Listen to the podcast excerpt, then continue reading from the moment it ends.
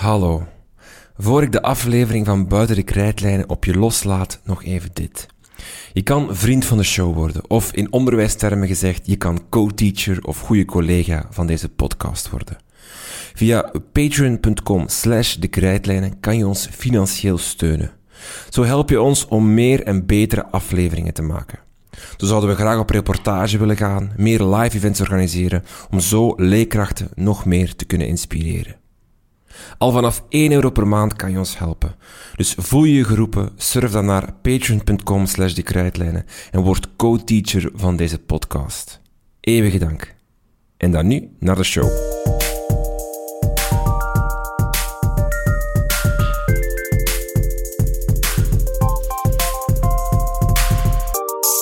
Welkom bij Buiten de Krijtlijnen. Mijn naam is Renke van Hoek en dit is uw podcast over onderwijs. Het is december, examenperiode voor veel leerlingen. Belangrijk, want als ze niet goed presteren, als ze buizen, moeten ze misschien wel blijven zitten. Want daar zijn we in Vlaanderen kampioen in. Niet minder dan 23% van onze 15-jarige leerlingen is al minstens één keer blijven zitten. Dat is meer dan het dubbele van het OESO-gemiddelde. Hoe komt dat? Waarom doen we dit in Vlaanderen zo vaak? En werkt dat eigenlijk, blijven zitten? Machtot van de Kandelaar is lerarenopleider en docent aan de onderzoekseenheid onderwijskunde van de KU Leuven en schreef een doctoraat over zitten blijven. Ze doet ook onderzoek naar flexibele leerwegen in het onderwijs. We praten met haar over de voor- en nadelen van zitten blijven en hoe het komt dat Vlaanderen koploper is. Machteld van de Kandelaar.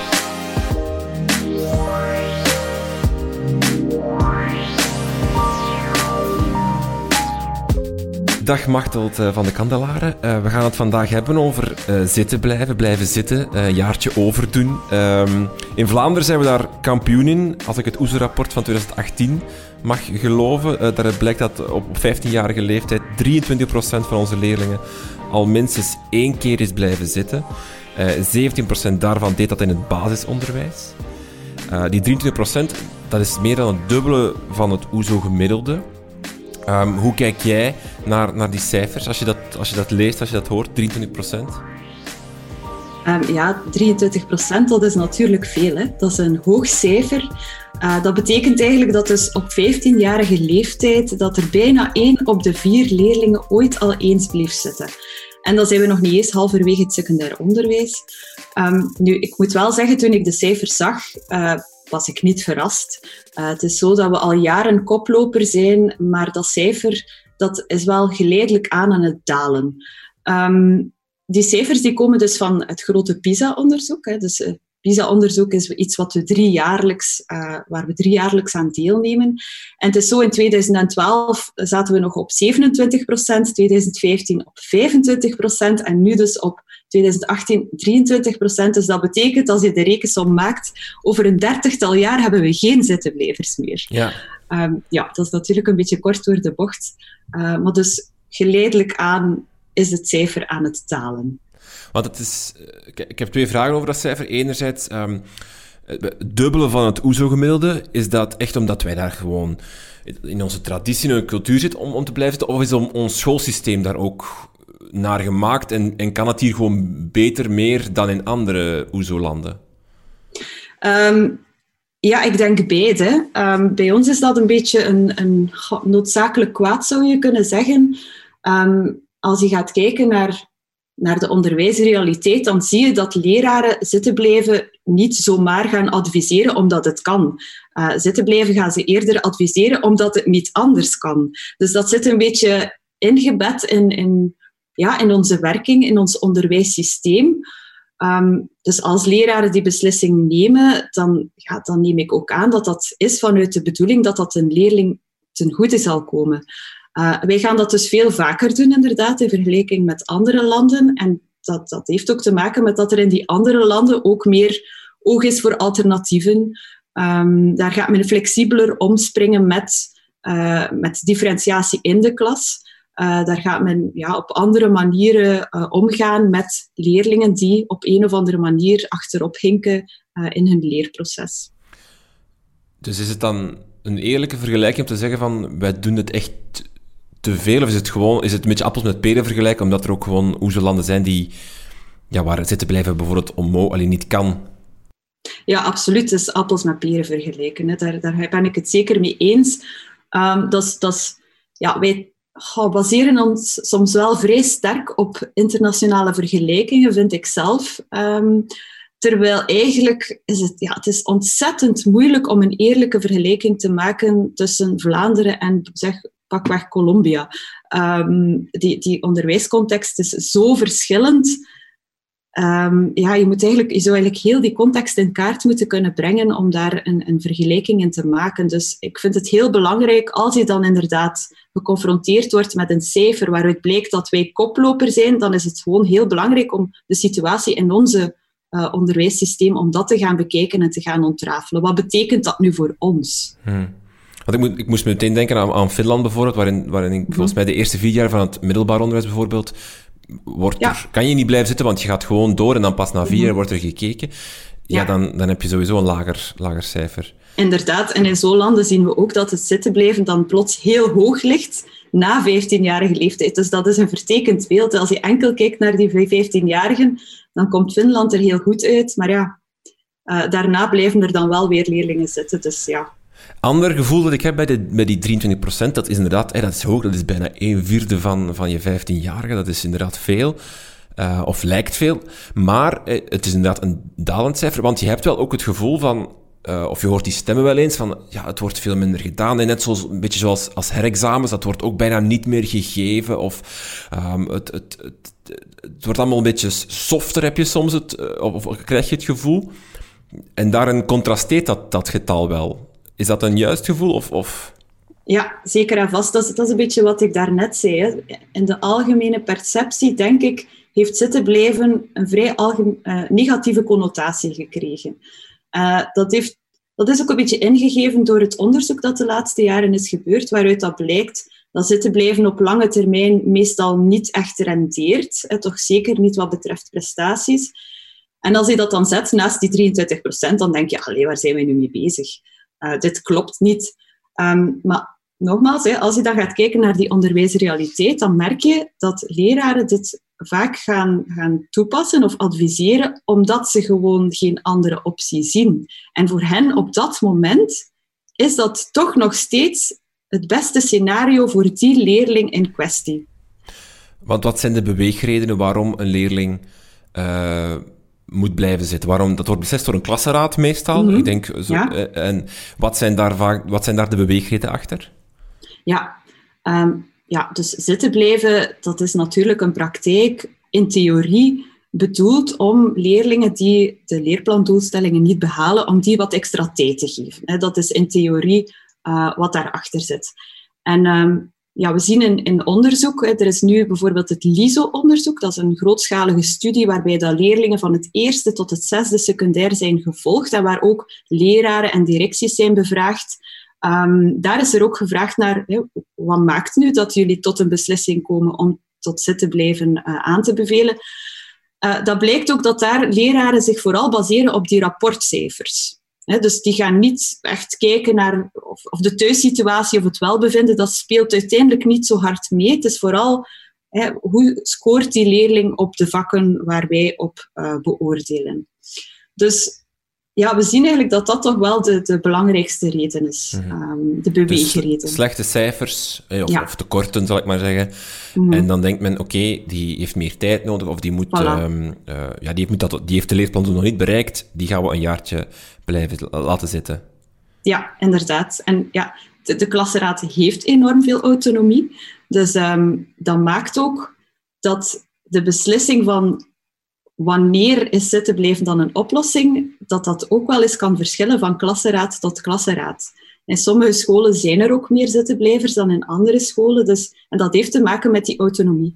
Met die mhm. autonomie van de klasseraad. U heeft, heeft ooit eens gezegd van, een, mocht een school morgen een verdubbeling krijgen van het aantal middelen dat het, het, dat het heeft, dan zou ook de beslissing tot zitten blijven minder snel genomen worden.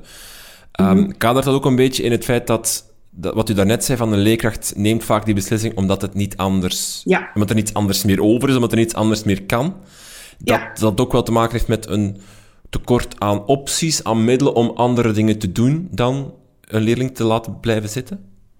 Ja, ik denk dat je dat uh, inderdaad heel correct formuleert. Ik, ik denk dat het gebrek aan ondersteuning in het volgende leerjaar, um, dat, het, dat dat in de perceptie van de leraren wel heel vaak meespeelt. Hè. Je hebt daar een beetje de spreidstand tussen enerzijds een uh, beslissing nemen voor de leerling, hè, van we willen dat die leerling maximaal zich kan ontplooien.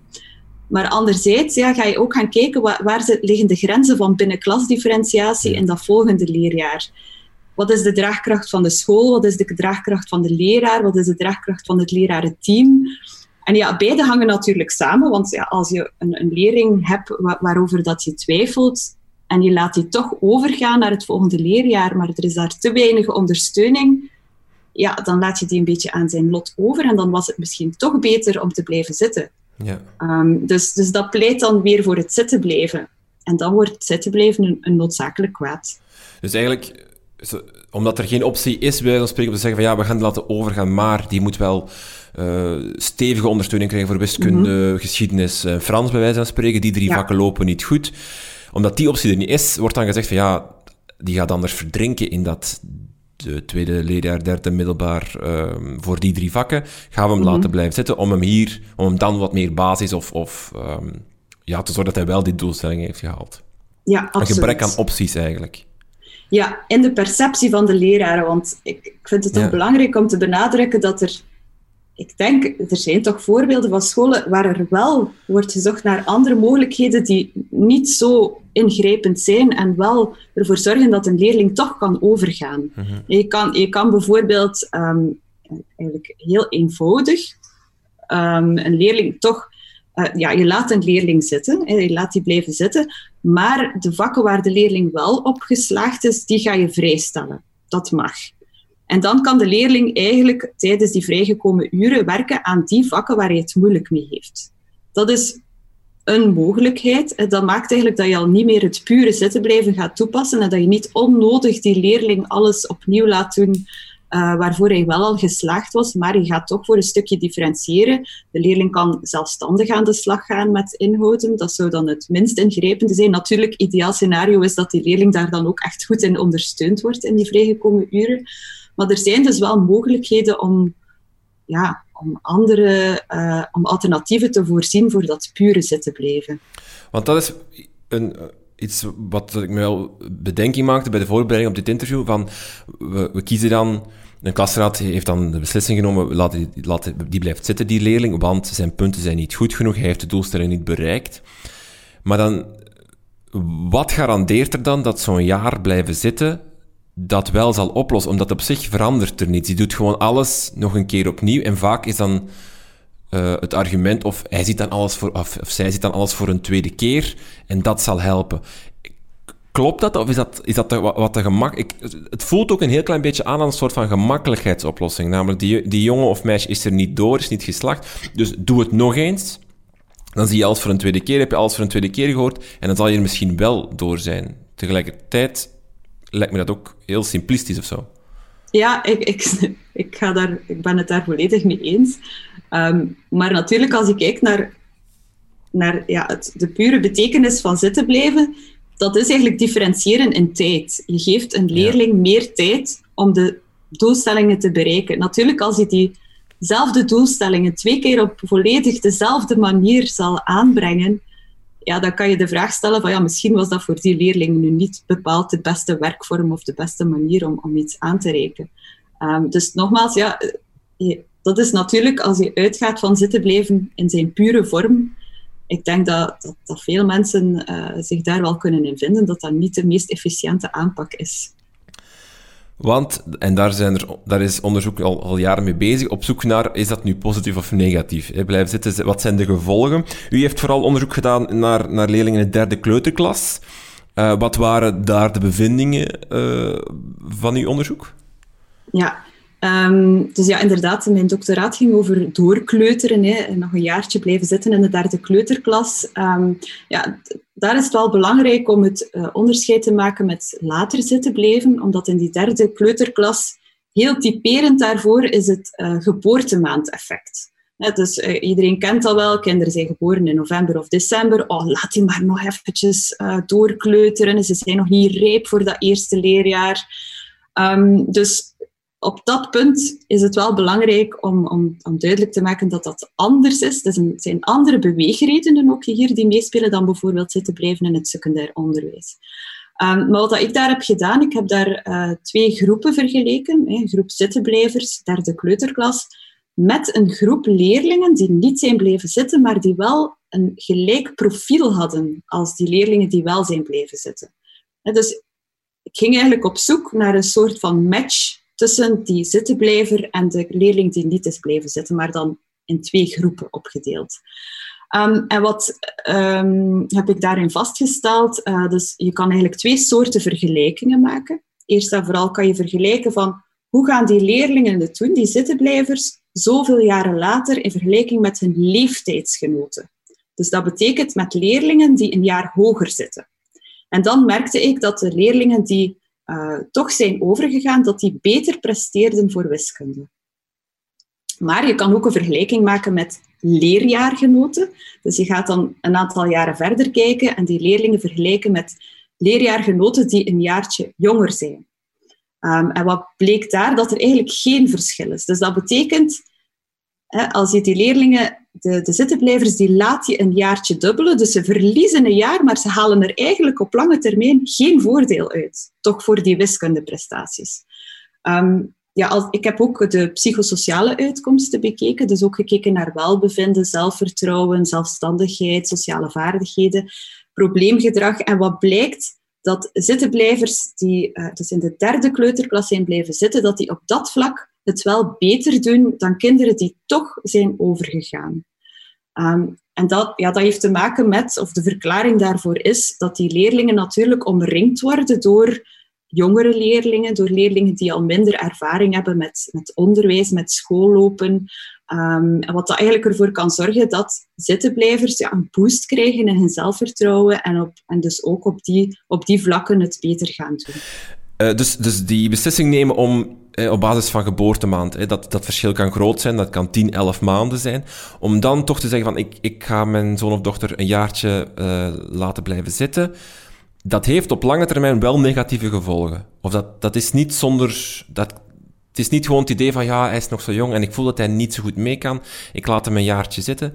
Dat dat zomaar positief ont, ont, zo, een positieve beslissing is. Mm um, ja, dat, op dat moment lijkt dat misschien inderdaad een positieve beslissing. En we zien uit uh, onderzoek, op korte termijn zal je ook zien dat dat werkt. We zien op korte termijn vinden we vaak positieve effecten van zittenblijven. En dat is ook zo voor uh, zittenblijven in de derde kleuterklas. Op korte termijn gaan die het wel beter doen. Dus eh, dat maakt ook in de perceptie van leraren dat zij vaak het idee hebben van ah, dat is een goede praktijk, hè. op korte termijn werkt dat. Maar het is heel vaak zo dat die leraren, ja, als de kinderen eens in het vijfde, zesde leerjaar zitten of daarna, daar nog minder contact mee hebben en ook die leerlingen niet meer zo echt opvolgen en dus minder zicht hebben op die lange termijn effecten. En in onderzoek bekijken we dat natuurlijk wel. Ehm, maar wat je net zei, uh, dat, ja, ik vind het ook belangrijk om daar te benadrukken dat, omdat je dat eventjes aanraakt, als je een leerling laat blijven zitten op vijfjarige leeftijd, dat is een volledig jaar. Dat is eigenlijk bijna een vijfde van zijn leven dat is een gigantisch lange periode. En zeker op die leeftijd gaan kinderen nog ja, echt sprongen maken. Die gaan niet een mooi, uh, mooie continue ontwikkeling hebben op verschillende vlakken. Die gaan echt sprongen maken. Iedereen met kleine kinderen die weet dat ook. Dus eh, het kan heel goed zijn dat die kinderen in de zomervakantie bijvoorbeeld, dat die daar nog sprongen maken. Dus dan echt die beslissing nemen van we laten een kind een volledig jaar nog doorkleuteren, dat is, dat is een heel drastische beslissing. En, en ik denk dat, daar, ja, dat je daar toch ook echt moet bij stilstaan wat voor drastische beslissing dat is. Hoe komt het dan dat als je een leerling laat, laat zitten op, op zijn vijf, dat hij dan later daar eigenlijk nul winst van maakt en wordt minder of, of evenveel of minder zal scoren op wiskunde, wat hij daar straks zei? Hoe komt dat? Wat is daar de, de, de redenering achter of, of het idee achter? Uh, ja, dat is een heel goede vraag. Dat is eigenlijk een vraag naar verklaringen. Hoe komt het dat dat niet werkt? Um, eerst en vooral, dat is ontzettend moeilijk om te onderzoeken. Het is, het is al heel moeilijk om te onderzoeken wat is het effect op bepaalde uitkomsten. Ik heb eigenlijk, nou, ik was gestart aan mijn doctoraat met het idee van, ik ga hier ontdekken of dat zitten blijven in de derde kleuterklas werkt of niet, maar dat is al heel snel uitgedraaid op uh, het zoeken naar een methode om een eerlijke vergelijking te maken tussen zittenblijvers en niet-zittenblijvers. En het zoeken naar verklaringen, dat is eigenlijk nog een stap verder. Dus dat is nog complexer. Dat zou eigenlijk vragen dat we een gigantische databank van leerlingen hebben, uh, die we dan gedurende meerdere jaren kunnen volgen en waar we dan kunnen gaan bekijken van hè, waarom werkt iets en waarom werkt iets niet. Um, dus die verklaringen zijn er niet uit onderzoek, maar ik heb wel zelf een aantal uh, ideeën. Um, ik, denk, ik denk dat het heel fel samenhangt met verwachtingen. Um, hoe je het ook draait of keert, een, leerling die blijft zitten, die gaat een stempel met zich meedragen. Die, gaat, um, ja, die wordt eigenlijk bestempeld als iemand die er niet in geslaagd is om over te gaan naar dat volgende leerjaar. En hoe je het ook draait of keert, die leerling draagt dat met zich mee. En dan stel ik mij de vraag van, ja, wat doet dat met de verwachtingen? Wat, wat doet dat met de verwachtingen van die leerling ten opzichte van zichzelf? Wat doet dat met verwachtingen door de leraren, door de ouders, uh, door medeleerlingen? En ja, iedereen weet, ja, verwachtingen, dat is echt cruciaal in, in, het, uh, ja, in, in waar we komen als mens, als leerling, uh, in het onderwijs, maar ook daarbuiten. Dus ja, ik, ik denk als je kijkt naar, naar zitten blijven en je, en je vraagt van werkt dat of niet, ja, als je heel dat kader van verwachtingen daarnaast zet, dan, dan lijkt dat gewoon gedoemd om te mislukken. Mm Omdat een leerkracht ziet dan bijvoorbeeld in, het, in, het, in zijn lijst van leerlingen, in het, het leerlingvolgsysteem staat erbij, ah, gedubbeld in het zoveelste leerjaar of in het zoveelste middelbaar en denkt, oei, oei, dat zal uh, een probleemgevalletje zijn, of oei, wat is daar fout gelopen, en die stempel, en onbewust, hè, onbewust leerkracht, eh, neemt de leerkracht dat mee, of een leerling die weet gewoon, ik ben al eens moeten blijven zitten, eh, ik, ik, ik, heb het moeilijk op school, die neemt dat mee en die gaat zich daar ook naar gedragen of naar, naar handelen, onbewust. Ja, en dat is dus voor alle duidelijkheid niet onderzocht of niet bewezen. Dat is iets waar ik zelf uh, mee speel. Met dat idee dat dat misschien wel eens zou kunnen verklaren waarom zittenblijvers het op lange termijn niet zo goed doen.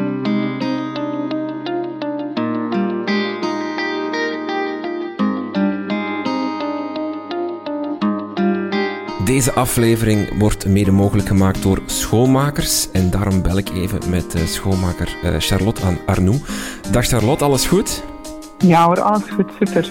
Uh, vanuit schoonmakers, hoe kunnen we maximaal leerkansen bieden aan leerlingen en vooral zorgen dat school op het einde de vraag over al dan niet zitten blijven eigenlijk niet moet stellen? Ja, interessante vraag. Ehm, dat sluit, wat wij doen met schoonmakers sluit heel hard aan bij wat Mastelt ook aan het vertellen is.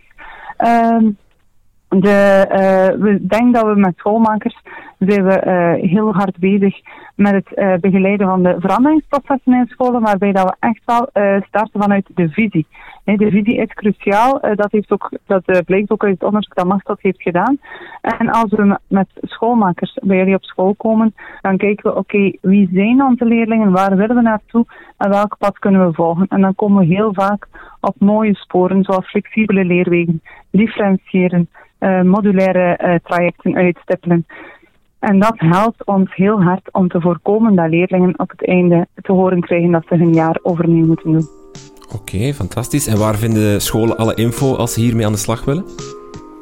Uh, alle info is te vinden bij schoolmakers.be en daarbij wil ik nog benadrukken dat wij maatwerk leveren. Dus vind je niet de info die je zoekt op onze website, uh, mag je altijd een mailtje sturen naar info.schoolmakers.be en dan uh, zoeken we samen naar het juiste antwoord voor jullie school of jullie organisatie. Oké, Charlotte, heel veel dank en dan gaan wij nu verder met de show.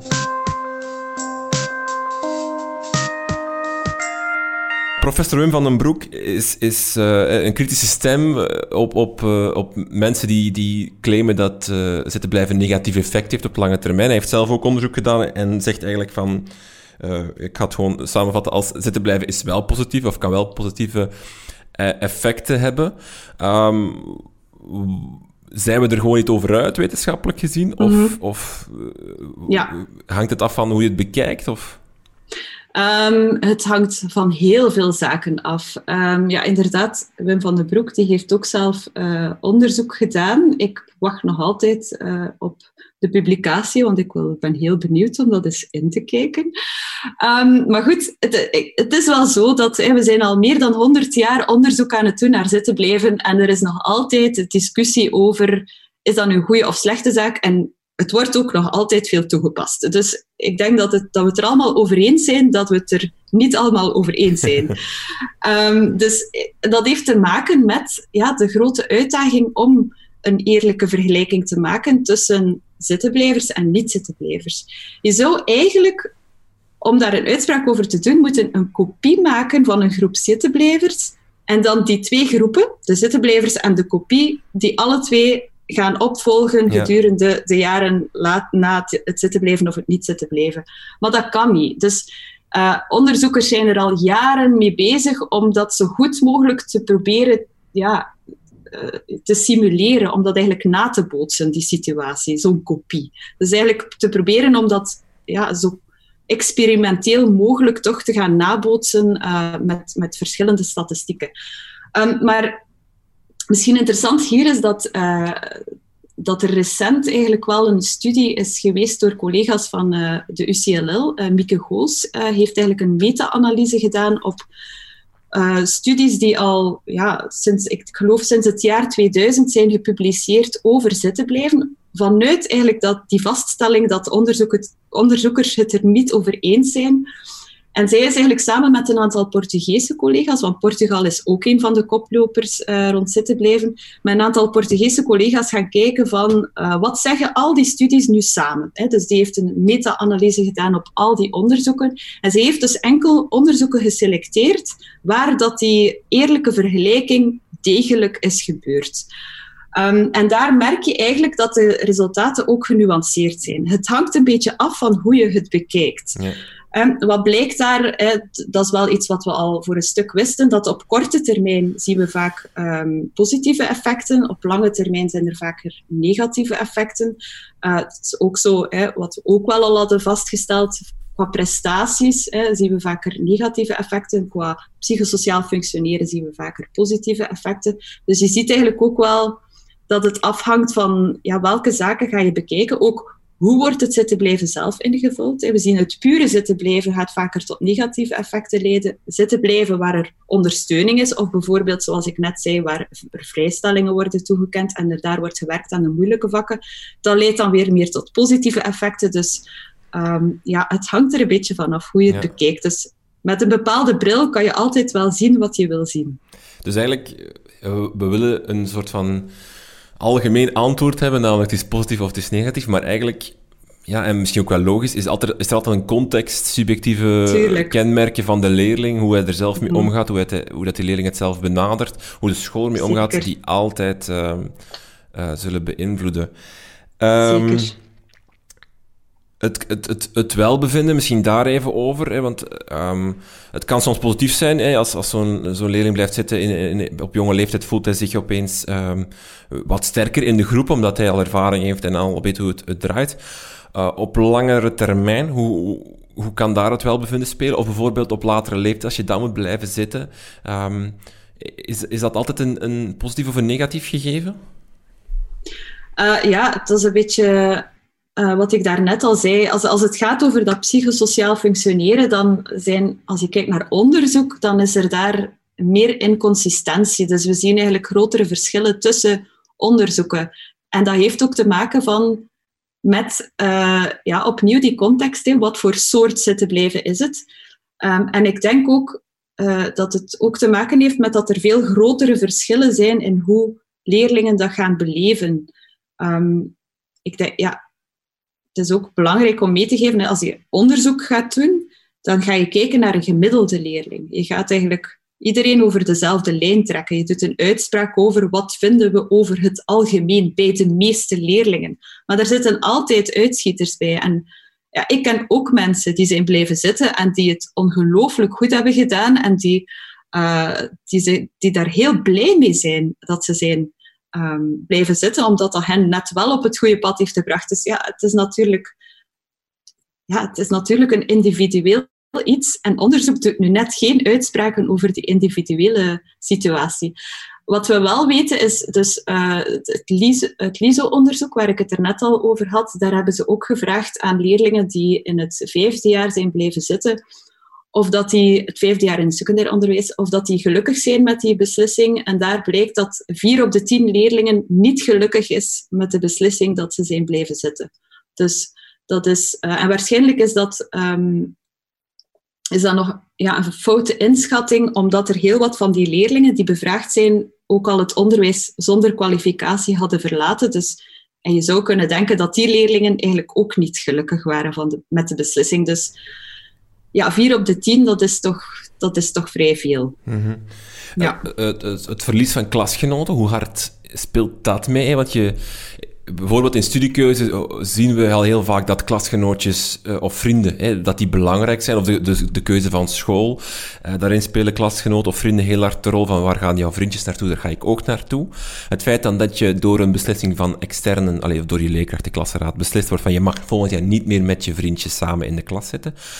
Um, hoe hard, hoeveel impact heeft dat? Ja, dat is uh, opnieuw zoiets waar we dus, ja, dat is eigenlijk een soort van differentieel effect waar je dan ook wel gaan, naar gaat kijken. Um, daar is geen onderzoek naar. Hoe hard is die impact of hoe groot is die impact? Um, en ik denk opnieuw dat dat heel sterk afhangt van de individuele situatie. Je kan je perfect inbeelden dat heel veel leerlingen daar zeer ongelukkig mee zijn, dat ze hun klasgenoten uh, moeten verlaten. Anderzijds, hè, dat kan perfect zijn dat een leerling um, die gepest wordt bijvoorbeeld, uh, en die, die daardoor ook slecht gaat scoren en daardoor ook moet blijven zitten, dat die leerling, dat dat net wel ten goede komt van die leerling, omdat die in een nieuwe klascontext komt met andere leerlingen en dat dat eh, net in een positieve spiraal komt en dat die leerling daar wel blij mee is. Um, maar dus echt onderzoek daarnaar is er niet. Um, maar ik denk daar dat er opnieuw kansen zijn voor scholen, omdat je er bijvoorbeeld wel kan voor kiezen om leerlingen die uh, moeten blijven zitten voor bepaalde vakken. Bijvoorbeeld wiskunde is niet oké, dat, moet, uh, dat moet hernomen worden. Dat je die wel voor vakken waar de leerling wel goed in is, al toch laat aansluiten bij die voorgaande klasgenoten. Dat zou in principe kunnen. Dat vraagt natuurlijk wat organisatiewerk, maar het kan. En er zijn scholen die het doen. Mm er is ook nog het economische plaatje. Zitten blijven kost heel veel geld. Een, een, leerling doet er eigenlijk een jaar langer over. Een jaar langer heeft hij heeft personeel allee, of leerkrachten nog die aan hem lesgeven. Uh, zijn daar cijfers rond hoeveel, of, of, of, hoeveel dat onze maatschappij, onze, onze economie kost, zitten blijven? Ja, daar, daar zijn verschillende schattingen over. Ik heb, ik heb de cijfers hier ook uh, bij mij. Um, ja, dus elke zittenblijver, dat kost echt een bom geld. Als, je, als je kijkt hoeveel een leerling kost per jaar in het secundair onderwijs, is dat tussen de 8 en de 9000 euro. Dus je zou wel kunnen stellen, een zittenblijver die kost tussen de 8 en de 9000 euro. En per jaar zou dat dus een hap uit ons onderwijsbudget nemen van tussen de 150 en 200 miljoen euro. Mhm. Daar kan je al heel veel laptops mee kopen. um, als, je, als je kijkt naar uh, de indirecte effecten, want dit gaat dan enkel over de extra kost omdat een leerling een jaar langer onderwijs nodig heeft. Maar de OESO bijvoorbeeld, die gaan ook kijken naar indirecte kosten. En dat betekent van ja, een leerling die blijft zitten, die komt een jaar later terecht op de arbeidsmarkt. Dat betekent dat hij eigenlijk een jaar geen opbrengsten oplevert voor de samenleving. Wel, zij doen daar schattingen naar en zij schatten dat een zittenblijver zo'n 40.000 euro kost. Mm inclusief die indirecte kosten. Dus dat is gigantisch veel. Natuurlijk, er zijn heel veel manieren om dat te berekenen en ik stel me daar ook wel vragen bij hoe dat dan precies gebeurt. Maar goed, ik denk dat het wel een heel hoog bedrag is. Kan je ook zeggen dat, uh, om, om nu over die arbeidsmarkt begint, dat uh, zittenblijvers ook vaker ongekwalificeerd uitstromen, dat ze vragen, vroegtijdig het onderwijs verlaten? Is dat, is dat een link die je kan trekken? Um, dat is in ieder geval een samenhang. Of dat zitten blijven dan de oorzaak is van dat vroegtijdig school verlaten, daar zijn, daar, daar zijn we niet aan uit.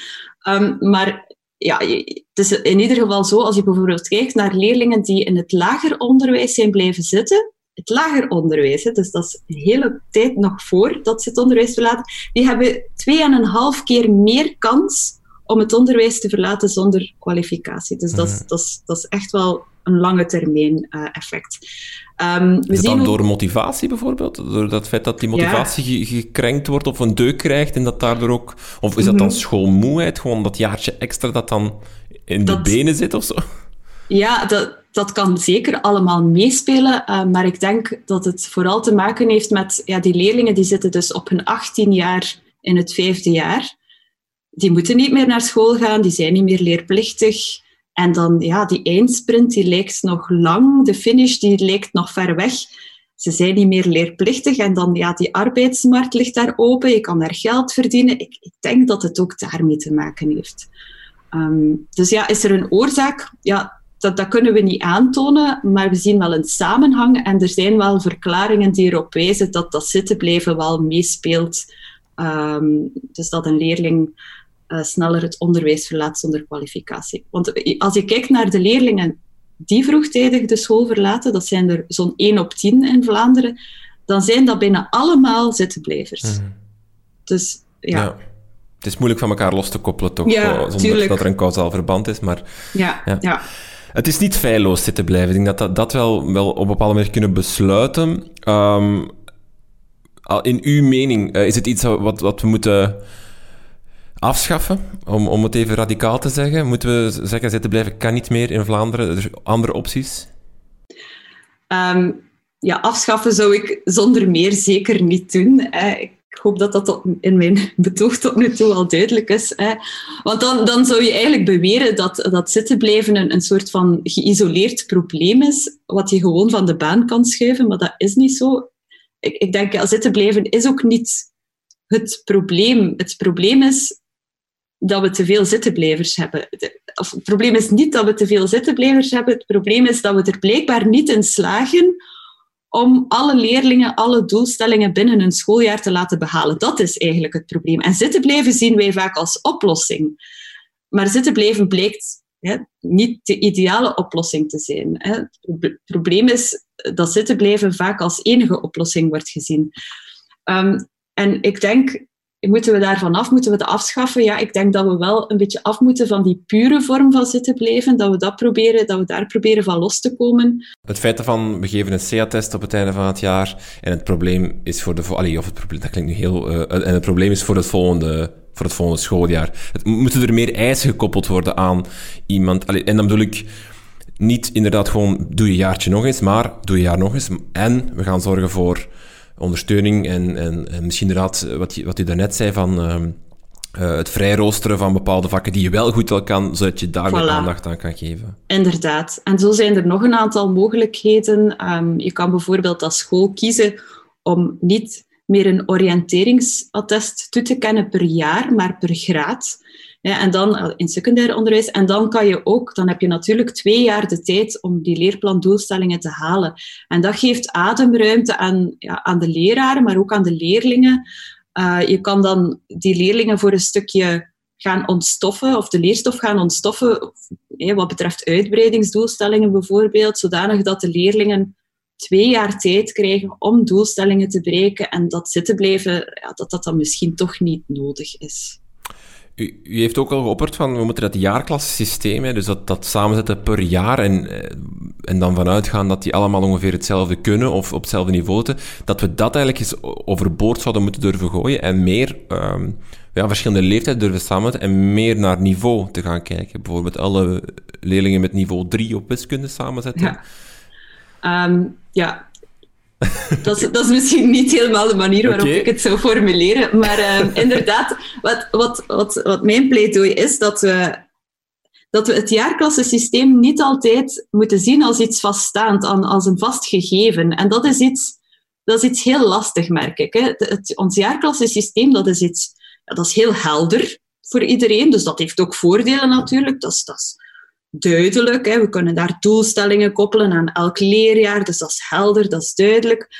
Um, maar we merken in de praktijk dat dat dus niet altijd werkt. Hè. Je hebt zitten blijven, maar je hebt ook bijvoorbeeld veel leerlingen die spijbelen, uh, schoolverlaters enzovoort, onderpresteerders. En ik denk dat we moeten durven loskomen van dat systeem wanneer we merken dat dat niet helemaal goed werkt. Um, maar dat is heel moeilijk, want dat jaarklassensysteem dat maakt dat maakt eigenlijk deel uit van onze grammar of schooling. En die, die grammar of schooling, dat is eigenlijk Ehm, ja, dat is eigenlijk de grammatica van, van uh, onderwijs op scholen. Dat is eigenlijk ons idee van hoe, hoe ziet een echte school eruit? En voor de meeste mensen is dat een school met leerjaren en klassen. Um, en en ja, die grammar of schooling, dat is net zoals de grammatica in taal. Dat is iets heel moeilijk om te veranderen. Um, dus ja, we nemen dat, dat is ook de reden dat onderwijs zo moeilijk te veranderen is, omdat wij daar altijd allemaal in staan als ervaringsdeskundigen zijnde. We zijn allemaal leerling geweest. We hebben allemaal een visie van hoe dat een echte school eruit ziet en hoe dat het onderwijs er moet uitzien. Dus ik, ik denk dat het gewoon al goed is om daar ons bewust van te zijn en, en dat jaarklassensysteem niet te zien als een vast gegeven en daar dan ook van te durven loskomen. Door bijvoorbeeld, als je al een zittenblijver vrij roostert voor bepaalde vakken waar je het goed in doet, dan kom je daar eigenlijk al voor een stukje van los. Dat kan al met kleine dingetjes zijn. Of door niet meer per jaar te gaan uh, attesteren, maar om, per graad. Dat is ook al een manier om daarvan los te komen. Um, ja, en in, het, in wat je daarnet zei, van, ja, is het dan niet beter, of stel je dan niet voor om in niveaugroepen te werken in plaats van in leerjaren? Um, dat kan, maar ik ik zou daar zeker niet pleiten om leerlingen vast in niveaugroepen te zetten. Uh, wat dat we wel zien, is dat scholen, zeker in het basisonderwijs, vaak verschillende leeftijden gaan samenzetten en daarbinnen heel flexibel uh, niveaugroepjes gaan vormen afhankelijk van een bepaald leergebied of afhankelijk van bepaalde inhouden. Dus bijvoorbeeld metend rekenen. Ah, nu gaan we op verschillende sporen werken, maar leerlingen kunnen daar ook veranderen van spoor. Uh, dus daar wordt dan wel per niveau gewerkt, maar dat is een heel flexibele aanpak. Dat is niet, niet zo dat een leerling een hand schooljaar dan in een bepaalde niveaugroep zit. Flexibiliteit is denk ik hier dan wel het woord, want hoe ga je om met scholen die, die daarop reageren van goh, ik moet hier al 600 leerlingen in de juiste klas krijgen, ik moet hier al lesroosters maken voor 80, 90 leerkrachten. Hoe ga je daarmee om? Um, ja, daar heb je zeker, daar heb je zeker een punt waar uh, veel scholen dus uh, eigenlijk al het excuus zien om daar niet over te moeten nadenken. Um, en dat begrijp ik ten volle. Hè. Het vraagt absoluut het vraagt een heel puzzelwerk om zo'n uh, flexibele leerwegen mogelijk te maken. Maar er zijn veel scholen die het doen. En ik, ik, heb, ik ben die scholen gaan bezoeken. Ik heb gepraat met directeurs, leraren. En, en je merkt dat zij wel allemaal aangeven dat het de investering waard is. Begin eens opnieuw, leg eens de puzzel van nul en kijk eens wat er allemaal mogelijk is. En uiteindelijk, als je daarmee uh, meer uh, leerkansen kan bieden aan jouw leerlingen en ook zitten blijven bijvoorbeeld kan indeken, dan, ja, dan is het zeker en vast de moeite waard om, om het de kans te geven om daar eens over na te denken en die puzzel te proberen te leggen. Um, je, hebt, je hebt ook scholen die dan, hè, want je gaf het voorbeeld van we, moeten, we laten die leerling dan wiskunde volgen in een ander leerjaar bijvoorbeeld, maar je hebt ook scholen die bijvoorbeeld een, een vast aantal uren inroosteren uh, voor, voor flexibiliteit. Je hebt scholen die dat flexuren noemen, uh, je hebt er die dat e-learning noemen. Um, dat is al minder ingrijpend om dat in te boeken, uh, maar dat, dat creëert ook al heel veel flexibiliteit. Hè. Daar kan je ook al leerlingen gaan remediëren. je laat de leerlingen werken aan die zaken waar ze het moeilijk mee hebben, of je gaat leerlingen uitdagen die meer uitdaging nodig hebben. Um, dus dat kan ook al. Dat is ook al een vorm van flexibiliteit. Is het op zich geen noodzakelijk kwaad dat zitten blijven? Is het niet zoiets van. Um, onze maatschappij is ook niet uh, um, flexibel. Het is soms uh, je, erdoor of niet erdoor. Het is soms erop of eronder. Uh, in een job is het ook van moeten en van, van kunnen en van niet kunnen. Do door het flexibel te maken en door tal van verschillende opties te voorzien, wordt het ook allemaal, um, ja, sommigen zal zeggen, gemakkelijker of, of zoeken we altijd naar zo de optie, terwijl ja, je moet je soms ook mee kunnen passen of, of binnenpassen in een systeem dat er is. En soms is dat hard, dat systeem. Soms mag je niet door. Is dat een argument dat, dat voor u telt of geldt? Uh, nee. um, ja, het, het, is, het klopt wat je zegt. Hè. En ik vind dat iets waar we meer moeten over praten en meer moeten over nadenken in, in, ja, in onze samenleving in zijn geheel en in het onderwijs. Dat is die prestatiecultuur. Dat is echt... Um, ja, wat doet... Wat, ja, ik, ik geloof echt dat dat um, nefast is voor de motivatie van kinderen en van leerlingen Um, en ik vraag me soms echt af, ja, wat, doen, wat doen wij in ons onderwijs met de motivatie van leerlingen. Als ik kijk naar mijn tweejarige dochter, dat is gewoon één brok leergierigheid. Dat is een en al nieuwsgierigheid om de wereld te ontdekken. En dan vraag ik me af van, ja, waar gaat dat dan naartoe? Als die eens echt aan het schoolse gebeuren deelnemen. Ehm, ja, en ik trap ook in die val. Hè. Ik, ik, ben, ik geef les aan de KU Leuven en ik ben ook altijd op zoek naar hoe ga ik de studenten motiveren? Moet ik daar niet een soort van punt op zetten of zo? ik trap ook in die val, maar ik, ik vraag me af, waar begint dat? En kunnen we daar toch niet proberen ja, een soort van mentaliteitsshift in te krijgen? Ehm, en, en dat is ook zo met zitten blijven. Zitten blijven is gewoon ja, een prachtig voorbeeld van die prestatiecultuur. Als je niet goed je best doet, dan, dan moet je blijven zitten. Um, ja, het is, het is, het is, veel breder uh, dan enkel dat zitten blijven. Het, gaat echt over hoe wij omgaan met ja, presteren, met, met eh, hoe mensen leren en, en motivatie. Dat, dat hangt allemaal samen. Want inderdaad, um, u zei daarnet helemaal in het begin van het gesprek, zo'n keuze wordt, om te blijven laten blijven zitten, wordt vaak genomen op basis van punten, op basis van resultaten. Die klasraad kijkt naar dat rapport en ziet, oei, 40 voor wiskunde, 40 voor Frans, dat is hier niet goed, uh, best uh, een jaartje overdoen. Uh, zou je dan ook kunnen stellen van, misschien moeten we dat evaluatiesysteem, die prestatiedrang of, of dat puntensysteem durven herbekijken en dan gaan we eigenlijk ook zo dat grote aantal zittenblijvers misschien wel reduceren of, of krijgt dat een andere invulling? Want nu gaat het enkel en alleen maar over hoe goed doe jij het op dat examen of op die toetsen. En bijvoorbeeld niet over wat voor attitude... misschien wel hoor, eh, de klasraad neemt ook attitude mee natuurlijk, maar eh, het is misschien... Het beeld is misschien nu heel klein, namelijk, ja, sorry, die 40 staat er, je bent een heel toffe leerling en je doet goed, maar ik kan niet om die 40 heen. Zo dat gevoel, en misschien door dat puntensysteem aan te passen, dat dat misschien wel een bredere invulling krijgt van je moet blijven zitten of niet. Ja, um, ja inderdaad. Ik denk dat we dat moet, daar moeten durven een beetje van loskomen, maar we gaan er altijd wel we gaan er ons altijd wel deels moeten op baseren natuurlijk. Um, maar ik denk het idee van een prospectieve klassenraad, dat dat daar wel veel toekomst biedt. Hè. Dus dat je echt uitgaat van, um, of, of je de vraag stelt als klassenraad van als deze leerling overgaat naar het volgende leerjaar, wat zijn dan de kansen om verder te, te ja, verder, wat betreft de verdere schoolloopbaan. Dus dat je echt vanuit dat toekomstperspectief een beslissing neemt en niet vanuit hoe heeft die leerling dat nu het afgelopen schooljaar gedaan? Um, dat is iets uh, wat ik... Dus ik heb nu uh, de laatste jaren uh, vooral onderzoek gedaan naar flexibele leerwegen bij ex-OCAN-leerlingen. En dat is iets wat je daar heel sterk ziet terugkeren. Hè. Als het gaat over ex-OCAN-leerlingen, ja, die gaan vaak op, op sommige vakken het heel slecht doen, omdat ze gewoon nooit die, die voorkennis hebben meegekregen. En daar wordt dan vaak uh, vanuit dat idee van die prospectieve klassenraad gekeken van, ja, als we die leerling laten overgaan, wat zijn dan zijn kansen in de toekomst? En eigenlijk, dat is iets wat we voor alle leerlingen zouden moeten proberen voor, voor ogen te houden als we een uitspraak doen of een, of een beslissing nemen.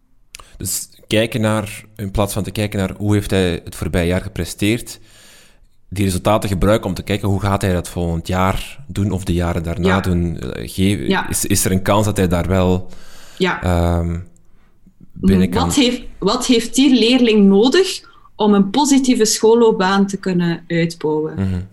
Is het een goed idee dat die dan overgaat? Mhm. Ja, dat, dat het daarover gaat. Uh, laatste vraag. Hè. We, we, begonnen met de cijfers. Hè. 23%. Ze kwamen van, van, van 27% ergens een paar jaar geleden. Ze blijven mm. dalen. Ziet u die tendens doorgaan? Hè? U zei over 30 jaar, als dit zo doorgaat, hebben we geen zittenblijvers meer. Dat is misschien wat, wat te ver doorgedreven. Maar blijft mm. dit een, een dalende trend zitten blijven? En ziet u bijvoorbeeld een toename ook in die flexibele leerwegen waar we het daarnet mm -hmm. over hadden, dat meer en meer scholen daar toch de, de, meer de oplossing in zien, in zien dan in uh, een jaartje overdoen? Uh, zeker. Ik, uh, ik merk zeker. Dus ik heb een aantal jaren terug een boek gepubliceerd samen met een aantal collega's over flexibele leerwegen. En ik, ik was heel verbaasd, aangenaam verrast, hoeveel interesse daarnaar was. Dus er zijn heel veel scholen zoekende, ook andere onderwijs, um, stakeholders in het onderwijs, naar hoe kunnen we op een andere manier omgaan met leerlingen die op bepaalde gebieden nog moeten bijbenen. Dus ik werk dat scholen daar ook echt mee aan de slag gaan. Ehm, heel veel scholen die zijn nog twijfelend, uh, hebben nog wat koudwatervrees, maar eigenlijk door die, die voorbeelden te gaan uh, verspreiden, merk ik wel dat scholen geïnspireerd raken en ook het gevoel hebben van oké, het, het kan wel anders. En dat ze daar ook echt mee aan de slag gaan. Dus ik zie zeker in mijn uh, omgeving dat, dat er meer scholen durven anders denken over omgaan met leerlingen die het moeilijk hebben. Dus ik vermoed wel dat we daar nog verder een, een dalende trend gaan kennen. Ik weet dat natuurlijk niet zeker. Ik heb ook geen glazen bol. Um, maar ja, dat is, dat is wel mijn voorspelling. Oké. Okay. Machtel van de Kandelaren, heel veel dank voor dit gesprek. Dank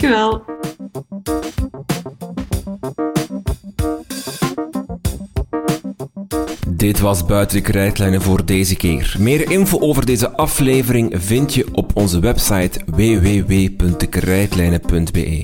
Blijf op de hoogte van onze plannen en nieuwe afleveringen via Twitter, Facebook of Instagram. Dank aan onze sponsor Schoonmakers om deze aflevering mogelijk te maken. Ook u kan helpen om deze podcast beter te maken en te ondersteunen. Dat doe je door co-teacher van deze podcast te worden. Al met 1 euro per maand kan u ons helpen. Dat doe je door te surfen naar patreon.com slash de krijtlijnen. Patreon.com slash de krijtlijnen. Je krijgt dan ook toegang tot onze exclusieve Facebookgroep met de andere co-teachers van deze podcast. Daar bespreken we de afleveringen en kan je suggesties en feedback geven. Je kan ook een recensie achterlaten in iTunes of in de Apple Podcast app. Dat is altijd leuk voor ons om te lezen, maar ook help je zo anderen om de podcast te vinden. Dank voor het luisteren en tot de volgende.